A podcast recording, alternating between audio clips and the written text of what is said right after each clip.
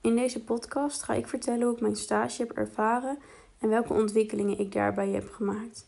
Ik loop stage binnen Van Boeien in Assen. Van Boeien is een zorginstelling voor mensen met een geestelijke en of een verstandelijke beperking. Ik ben eind januari begonnen bij het stageadres en het werken met deze doelgroep was voor mij helemaal nieuw. Het was voor mij ook heel erg wennen en zoeken hoe ik met deze doelgroep moest werken en moest benaderen. Het werken met deze doelgroep begint dan met het ontvangen en aanspreken van de cliënt bij binnenkomst van het zwembad of de zaal.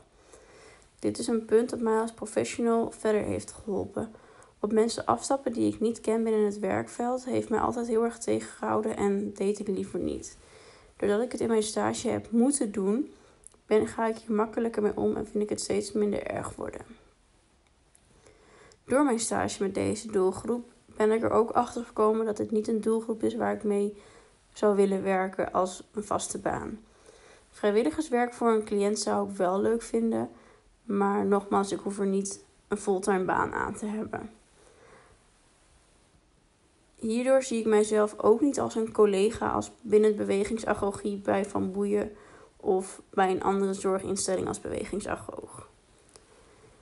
Als een extra activiteit ben ik meegegaan naar een maandelijkse disco. Dit was super leuk om mee te maken. De cliënten ontpopten helemaal, waren los, waren zichzelf en maakten zich helemaal nergens druk om. Dit is zeker een hoogtepunt dat ik heb meegemaakt binnen mijn stage. En ik vind het jammer dat ik dit maar één keer heb bij mogen wonen. Ik had er graag nog een keertje bij willen zijn. Een dieptepunt die ik bij mijn stage heb meegemaakt is het overlijden van een cliënt. De cliënt zwom elke dinsdagochtend één op één met een begeleider. En ik was daar dan bij in het zwembad om toezicht te houden. Um, tot hij op een dinsdag er niemand maar kwam en we, ik en mijn begeleidster best wel gefrustreerd waren dat we maar geen afmelding hadden gehad. Toen we later op de dag hoorden dat deze cliënt was overleden in zijn slaap, werd het opeens een hele andere dag. We kregen begrip voor, het, voor de afwezigheid. En we hebben veel onverwachte beslissingen toe moeten nemen voor het vervolg van het zwemmen. Het overlijden van de cliënt is voor iedereen een schakelmoment geweest. We moesten ook zorgen dat de cliënten van de dagbesteding snel weer de draad oppakten. En natuurlijk ook de begeleiders. Ik denk dat dit voor mij een, het grootste en bijzonderste leermoment is geweest.